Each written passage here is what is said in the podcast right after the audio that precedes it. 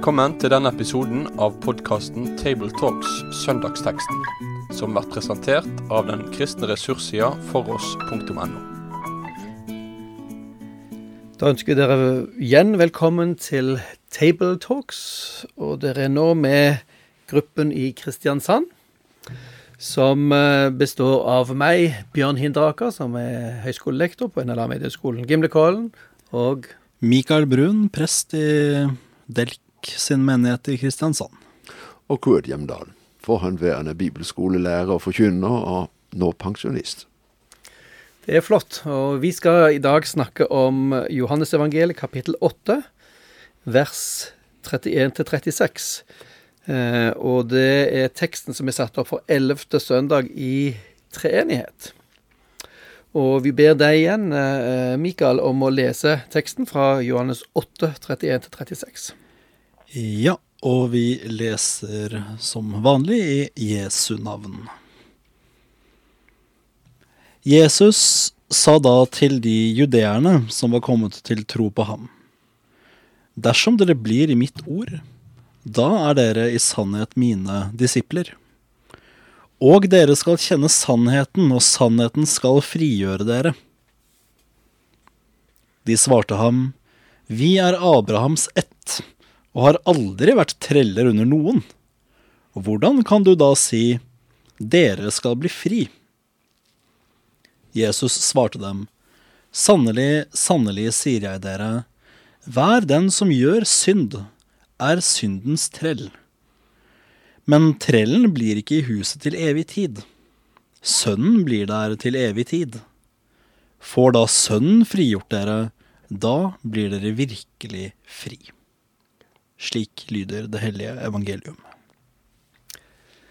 Ja, takk. Dette var jo ganske heftige utsagn, og det foregår jo i en svært eh, intens diskusjon som Jesus har eh, med sine samtidige. Kunne du, eh, Kurt, si litt om eh, konteksten her for det, for det vi leste nå? Ja, vi er i Johannes evangeliet, og vi er på løvhyttefesten i Jerusalem. Eh, vi nærmer oss Jesu lidelse og død. Eh, fra kapittel 8 vers 12, ja egentlig allerede fra begynnelsen av kapittel 7, og helt frem til kapittel eh, 10, midt i kapittelet, så er vi på løvhyttefesten. Så kommer tempelvielsesfesten en stund etter, noen få måneder etter, og så er vi ved Lasarus' oppvekkelse og inne i den stille uken. Så vi er på vei inn mot lidelsen. Og i den sammenhengen så er det Jesus trer frem og sier 'jeg er verdens lys', og kommer i diskusjon med jødene om hvem han er.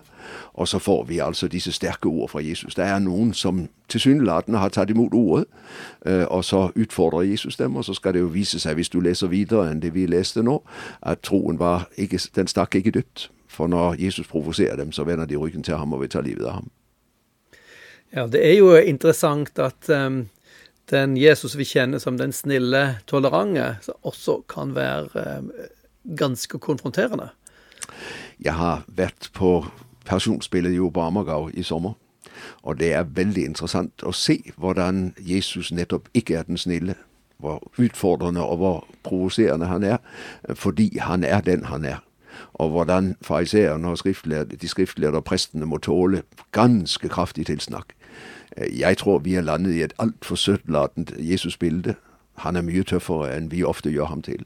Og jeg tror det er veldig nyttig å lese evangeliene om igjen og se hvor sterkt han egentlig taler til sin samtid. Han vil dem noe. Han er ikke bare ute for å stryke med hårene, men han er virkelig kongen som er kommet og markerer seg som det. Eh, og det blir ikke akseptert. Og det blir eh, motstand, ja. ja. Så det ser vi, eh, og motstand bygger seg opp fram mot eh, Jesu egen død. Ja. Det, det, er ikke så rart, egentlig, når, når, vi tar, tar, på alvor hvor streng Jesus faktisk var. sant? Det, det bildet som ofte tegnes av Jesus som en sånn snill morallærer som måte, foreslår litt sånn mildt og stillferdig for oss hvordan vi skal leve, det, det, er jo ikke et bilde som egentlig står seg mot Bibelens tekster. Um, Jesus var hard, og han um, hadde et tydelig budskap. Uh, både om omvendelse og om tilgivelse for syndene, og begge deler var såpass anstøtelig for folk at det endte med at de tok livet av han. Og det er jo veldig interessant, hvis du leser litt videre her i kapittel 8, så sier han jo rett og slett til de judeerne som du nevner, så sier han til dem der har djevelen til far. Det er jo utrolig sterkt. Og kjære til folk rykker tilbake i dag. Man kan jo ikke si sånn, men Jesus sa det, altså. Ja, det er ganske heftig. Ja. Og det er jo interessant her Det ene er jo hva Jesus lærer innholdet med synd og uh, synd og tilgivelse. Uh, og, og, en av de diskusjonstemaene er jo her hvem Jesus er som person. Sant? Og, og det, det tingene Jesus sier om seg selv, er jo svært provoserende, for du tvinges til enten å bøye deg eller sette deg opp mot dette. Sånn, så, så, det er jo en interessant ting at, at, Jesus kommer til oss og sier at 'du er min', hva gjør du med det? Mm. Sånn, så det, det, er jo i seg selv svært provoserende, og eh, vi korsfestet han, for å si det sånn, for det ja, egentlig. Men la, la, oss nå gå til, til, eh, til teksten her, og det er jo svært interessant at det er friheten her som er eh, nøkkelen. Ja. Um, hvis dere blir i mitt ord, og dere er, da er dere virkelig mine disipler, da skal dere kjenne sannheten, og sannheten skal gjøre dere fri. Og fri er et veldig interessant begrep, for fri er ikke et abstrakt begrep. Frihet forholder seg alltid til noe. Det er noe du er fri fra, og det er noe du er fri til. Og Derfor må jo spørsmålet bli hva mener Jesus når han sier det er virkelig fri? Hva er vi da fri fra, og hva er vi fri til? Så det er helt klart at dermed så utfordres mennesker. Og ikke minst når han da sier til hele forsamlingen, eh, som for øyeblikket var veldig positiv til ham, ikke sant Det er syndens treller. Det er slaver under synden. De er så visst ikke slaver under noe. og Jeg hadde nær sagt rett inn i vår tid. Å eh, våge å si det til mennesker, så har du reaksjonen med en gang. For, for det skal vi ha oss frabedt. Vi er like gode som de andre, ikke sant? Og um, det er jo interessant når at Jesus, Jesus tilbyr oss jo friheten. Sant? Men det er, ikke en, det er, ikke en, frihet som bare er i noe tomhet. Sant? Han sier jo 'hvis dere blir i mitt ord'. Hva tenker du om det, Mikael? Hva, hva ligger der i, i, det Jesus sier der? 'Hvis dere blir i mitt ord, og dere er mine disipler, da kjenner dere sannheten og skal bli fri'. Nei, det handler jo om nettopp dette med å bli i det, det som er Jesu forkynte lære.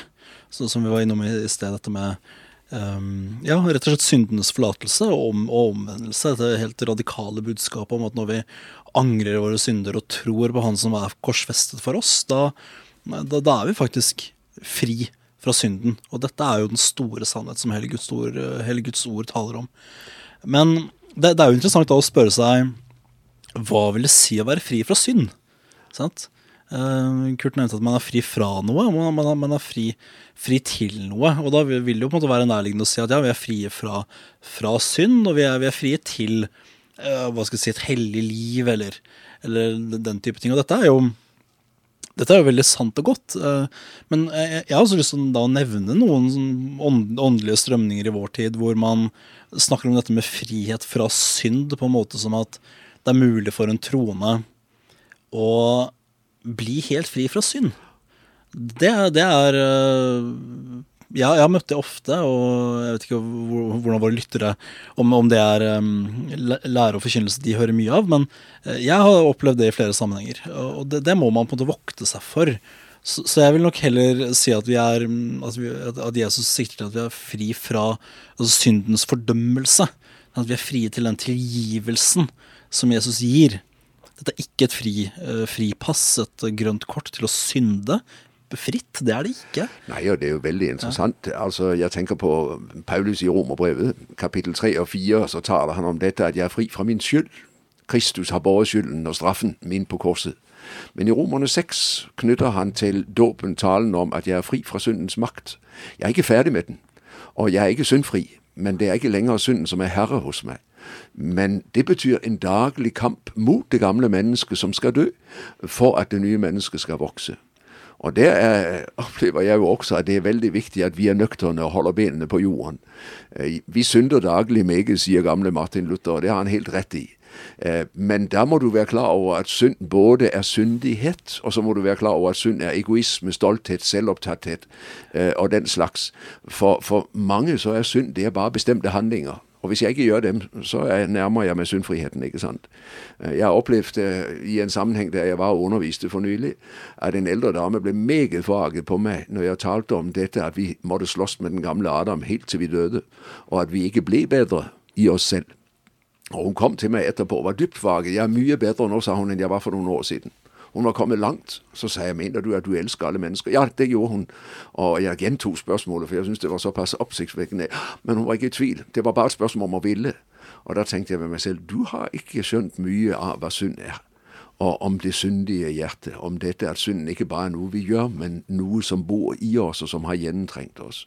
Slik Det nye testamentet taler om. Innenfra, fra hjertet, kommer de onde tanker, hor, mord osv., sier Jesus i Matteus 15. Og, og det er lite fremme i dag, men det er jo sant.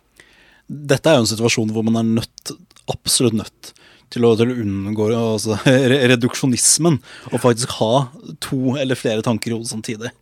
Sant? For du, du nevner jo den gamle Adam, og, og det, er også til Paulus som snakker om sant? at det onde, han, det onde han ikke vil, det gjør han, og det, det gode han egentlig vil, det, det klarer han ikke å gjøre. Og det, dette er jo det vi har, har hos oss, sant? at vi, vi tenker at vi er, vi er Altså, vi har et gammelt og et nytt menneske. Um, vi har den gamle Adam, men vi har også det nye mennesket som er reist opp med Kristus i dåpen. Men da er det fryktelig viktig at jeg nettopp hele tiden er klar over at det er i Kristus jeg er ny. Absolutt. At det ikke er i meg selv. Og det er der jeg opplever man blander kortene. For det er jo som om jeg er ny i meg selv og er i stand til å leve nytt.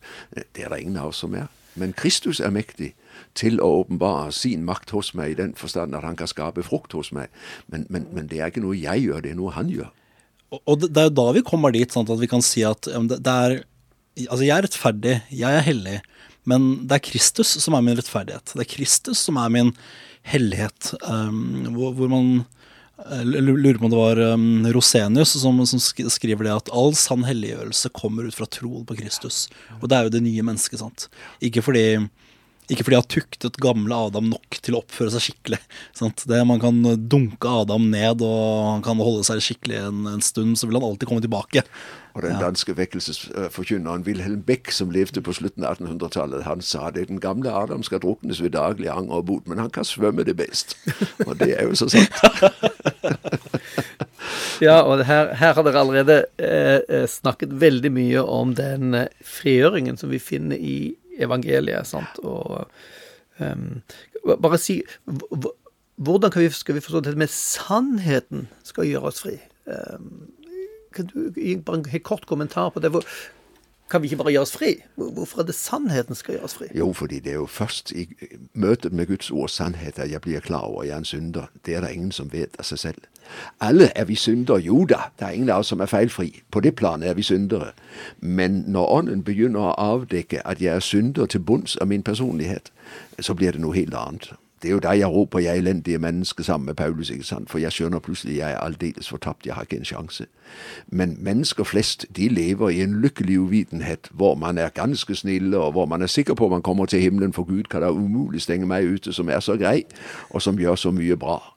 Eh, Så, så du kan si på et sånn eh, overfladisk plan, så er det veldig mange som vil være enig i at de er syndere. Men du har hørt historien om gamle Anna. Presten kom til henne, og så sa hun 'Å, jeg er så stor en synder'. 'Ja', sa presten, det har jeg hørt. 'Hvem har sagt det', sa hun. Og så våknet hun, ikke sant. For hun var ingen synder i det hele tatt. Hun var egentlig et veldig snilt menneske. Syntes hun selv. Og det er det jo at hvis ikke Ånden ved ordet får lov å vise meg min fortapthet det jeg konfronteres med syndigheten, ikke bare med syndene, men med synden, som det som har gjennomtrengt meg, da kommer ikke noe godt fra meg. I mitt kjød bor, bor der intet godt, sier Paulus. Når jeg har sett det, da skjønner jeg også hvor Kristus blir fullstendig uunnværlig. Men har ikke Ånden vist meg syndigheten, så har jeg heller ikke bruk for Jesus. Og det er jo det som gjelder de fleste mennesker. Og derfor ser du også at frihet i dag veldig ofte forbindes med å være fri fra kristendom. Ikke sant? For kristendom det er den tunge bør som vi må bekvitte oss med. Friheten det er å få lov å leve ut synden. Jeg gjør som jeg vil. Jeg gjør meg til Gud i eget liv. Og så lever jeg mine lyster og skjønner ikke at jeg er en ynkelig trell. Så, så i, i denne sammenheng så er da den sannheten som gjør oss fri, ikke bare en generell sannhet om virkeligheten og verden, men en smertefull sannhet om min sanne identitet. Eh, altså som, som, som en lege som kommer til å si Oi, ja, det er flott du kommer til meg. Det er en god nyhet at eh, her har vi medisin. Dårlig nyheten er at du er, er dødssyk. sant? Um, så, så, så um, der, der, ligger, der, ligger, den liksom litt mørke tingen ved sannheten som gjør oss fri. Jo, og det er jo derfor også evangeliet alltid er anstøtelig. Selvfølgelig. Fordi han, evangeliet konfronterer meg hvem, med hvem jeg er. Jeg tenker jo på det at Jesu kors er, ingen steder er mer alvorlig å møte, for der ser jeg hvor alvorlig synden er. Gud dør av den. Og på den andre siden, ingen steder ser jeg friheten så sterkt, for han døde for meg. Og på grunn av ham har jeg en åpen himmel, og jeg er Guds venn og Guds barn. ikke sant? Men uten korset så lever jeg i fortaptheten. Og da kan du smykke den fortaptheten så mye du vil, men du er fortapt allikevel. Og det er jo det verden, veldig mange mennesker ikke skjønner. Fordi de tror at det handler bare om at jeg gjør så godt jeg kan, så skal det nok gå bra. Det er jo denne erkjennelsen av syndens alvor. sant? Dette grunnleggende at um, min, min, synd, den krenker faktisk Gud. Jeg, jeg, har ofte, ofte, tenkt på det sånn at, sånn at Gud er en Altså Gud er en dommer, det sier vi jo, sant? men så har jeg på en måte hatt et litt distansert forhold til det. At Gud er som en, ja, en verdslig dommer som dømmer etter lover. Og så vet jeg at det er Gud som har gitt oss de ti bud, men det var etter at jeg leste et lite hefte som uh, gamle biskop Erling Utnem skrev, den, den, hardeste lære i Guds ord, om Guds, om Guds vrede, som uh, altså som evangeliets mørke bakteppe, som, han, som, som det heter. Da, da, skjønte jeg hvordan det her at altså, dette med synd det er personlig for Gud. Det er direkte. og Vi, vi, altså, vi krenker Ja, vi krenker rett og slett Gud. Jeg med mine synder krenker Gud. Og det er ganske sånn intens innseelse. Da, da skjønner man virkelig at man trenger evangeliet. Jo, og jeg tenker jo også det, Mikael. Det er jo ingen steder hvor jeg ser min storhet så tydelig. Så stor tenker Gud om meg. Han tar meg på alvor. Ja. Jeg selv tar meg ikke på alvor. Jeg prøver å føyde det hele bort, ikke sant. Men Gud tar meg på alvor i mitt gudsopprør og sier hvis ikke jeg får frelse deg, så er du redningsløst fortapt. Og da er det jo altså mennesker reagerer, for det vil de ikke høre noe om. Men, men det er jo der vi er. Nå har vi, vi, snakket ganske mye om denne første setningen her. Ja. um, og, og, det er jo sentrumet her nå. Hvis vi nå beveger oss tilbake til diskusjonen, og snakket Jesus med jøder, eller judeere, sine samtidige. Og ja. de oppfattet dette som svært provoserende. Eh, og så responderer de når, når, Jesus sier OK, bli mine disipler, kjenne sannheten, da skal dere bli frie. Og så svarer de ja, men vi er Abrahams ett, aldri vært slaver for noen. Eh, hvordan kan du da si at vi skal bli fri? Hva, hva, hva var si, jødenes idé om frihet og slaveri her som, som eh, berørte de så sterkt? Nei, jeg tror jo at de lever i forlengelsen av påsken som de feirer den ikke sant, med utgangen av Egypt. De er ikke lenger slaver i Egypt, og så tenker man horisontalt. Eh, og skjønner, og, så blir det jo usant det de sier, for romerne styrer jo i landet, så det er jo løgn. Vi er ikke slaver for noen, så det stemmer jo ikke heller. Så der ligger jo en ironi eh, som slår tilbake på dem selv, for de er jo virkelig slaver. Men, men, men eh, for dem er frihet først og fremst dette at de styrer i eget hus, ikke sant. Og det er jo sånn Messias-forventningen også var. ikke sant? Man ventet han skulle komme og sette oss fri fra romerne. Nei, han kommer med et mye sterkere budskap. Han setter dem fri fra synden. Og det er jo det de ikke har oppfattet. Mm -hmm. Og her, her, kan det jo kan det jo, Når du nevnte dette med Romen, så kan det jo også være nesten sånn underliggende her at ja, nei, vi trenger ikke engang Messias for å sette oss fri. Sant? Som, som veldig mange jøder var opptatt av. Sånn, de ville ha denne frigjøreren. Det er jo en veldig interessant linje fra dette og så til ja, lidelseshistorien i, i Johannes 19, hvor det ender med at øverste presten sier vi har ingen annen konge enn keiseren. Altså, Det er jo ironien, ikke sant? hvor han lar seg nare til og presse til fordi han ikke vil vite av Jesus som Messias, til å unnsi den jødiske Messias-forventning. Eh, Johannes er ikke nådig mot sine egne når han eh, fremstiller dem. Mm. Så, så, så, det er ganske drastisk. Mm. Og da, da kom jo Jesu respons til, liksom, hva, hva, mener vi med frihet, og hva er, hva er, det egentlige slaveriet som han snakker om her. Så, så um, Sannelig, sannelig, jeg sier dere, den som gjør synd, er slave under synden. Kan du kommentere det, Mikael? Den som gjør synd, er slave under synden. Her bruker du synd på litt ulike måter. Synd er en ting du gjør, Men synd er også en ting du tjener, altså en kraft eller en makt eller noe. Ja, og det, det er tilbake til dette med altså, hva, hva er det man skal frigjøres fra. Uh, det, det, er jo dette med at um, blir vi ikke frigjort, så er, så er det synden som er herre i livet vårt. Da, da, da, tjener vi da tjener vi synden, og til syvende og sist så tjener vi egentlig djevelen. Og det, det, er jo, det, er jo, klart at det er kjempealvorlig. og Det, det som er kanskje det mest alvorlige og mest sørgelige i det, er jo hvis man går rundt og tror som, som disse judeerne, at nei, men jeg, er jo ikke noen slave under, uh, under noen som helst. Um, og Hvis vi på en måte da skal snakke litt konkret om dette med, dette med forkynnelse, siden vi er en, en tabletalk-podkast og skal snakke om, snakker om søndagsteksten, så er jo så leser jeg dette som et uh, egentlig ganske klart bud til alle predikanter om å snakke sant om ja, nåde, men også om synd, fordi vi tror at synden og nåden henger sammen. Fordi hva, hva er det man gjør som vi dessverre må uh, erkjenne at mange, mange prester og predikanter gjør i dagens, uh, ja, dagens kristenhet, og særlig dagens Norge. Man, man, unnlater å snakke om synd. Enten fordi man ikke tør å snakke om det, eller at man til og med går så langt som å si at ja, men synd det er ikke synd, eller Ehm, det, det, finnes ikke lenger, eller at Gud har endret mening. Hva er det man gjør da? Jo, man, man holder egentlig de troende i Man holder dem i åndelig fangenskap. Jo, man forfører jo folk. Man forfører jo folk. Mm. For, for, og det opplever jeg jo også, at synd har veldig lett for å bli noe litt sånn overfladisk, litt uheldige ting du gjør. Mens synd i Skriften det er jo ikke bare noe jeg gjør, men det er noe jeg er. Mm. Altså, Jeg tenker på det at jeg har ofte brukt det bildet hvis du tar kloakken i Kristiansand eh, tidlig på morgenen, så er den formentlig ikke så skitten, for da holder de fleste på å pusse tenner, og vannet blir ikke så skittent. Men det er kloakkvann. Hvis du tar bakterieprøver, så vil du oppdage det. Eh, det ser så pent ut, men det som kommer fra oss fordi vi er syndere, så er det synd. Og, og, det er jo den totaliteten som blir borte i mye forkynnelse i dag, fordi vi ikke lenger tør konfrontere folk med at synd er ikke bare gjerninger, men det er hele min Guds holdning. Jeg har satt meg selv i Guds sted, ikke sant.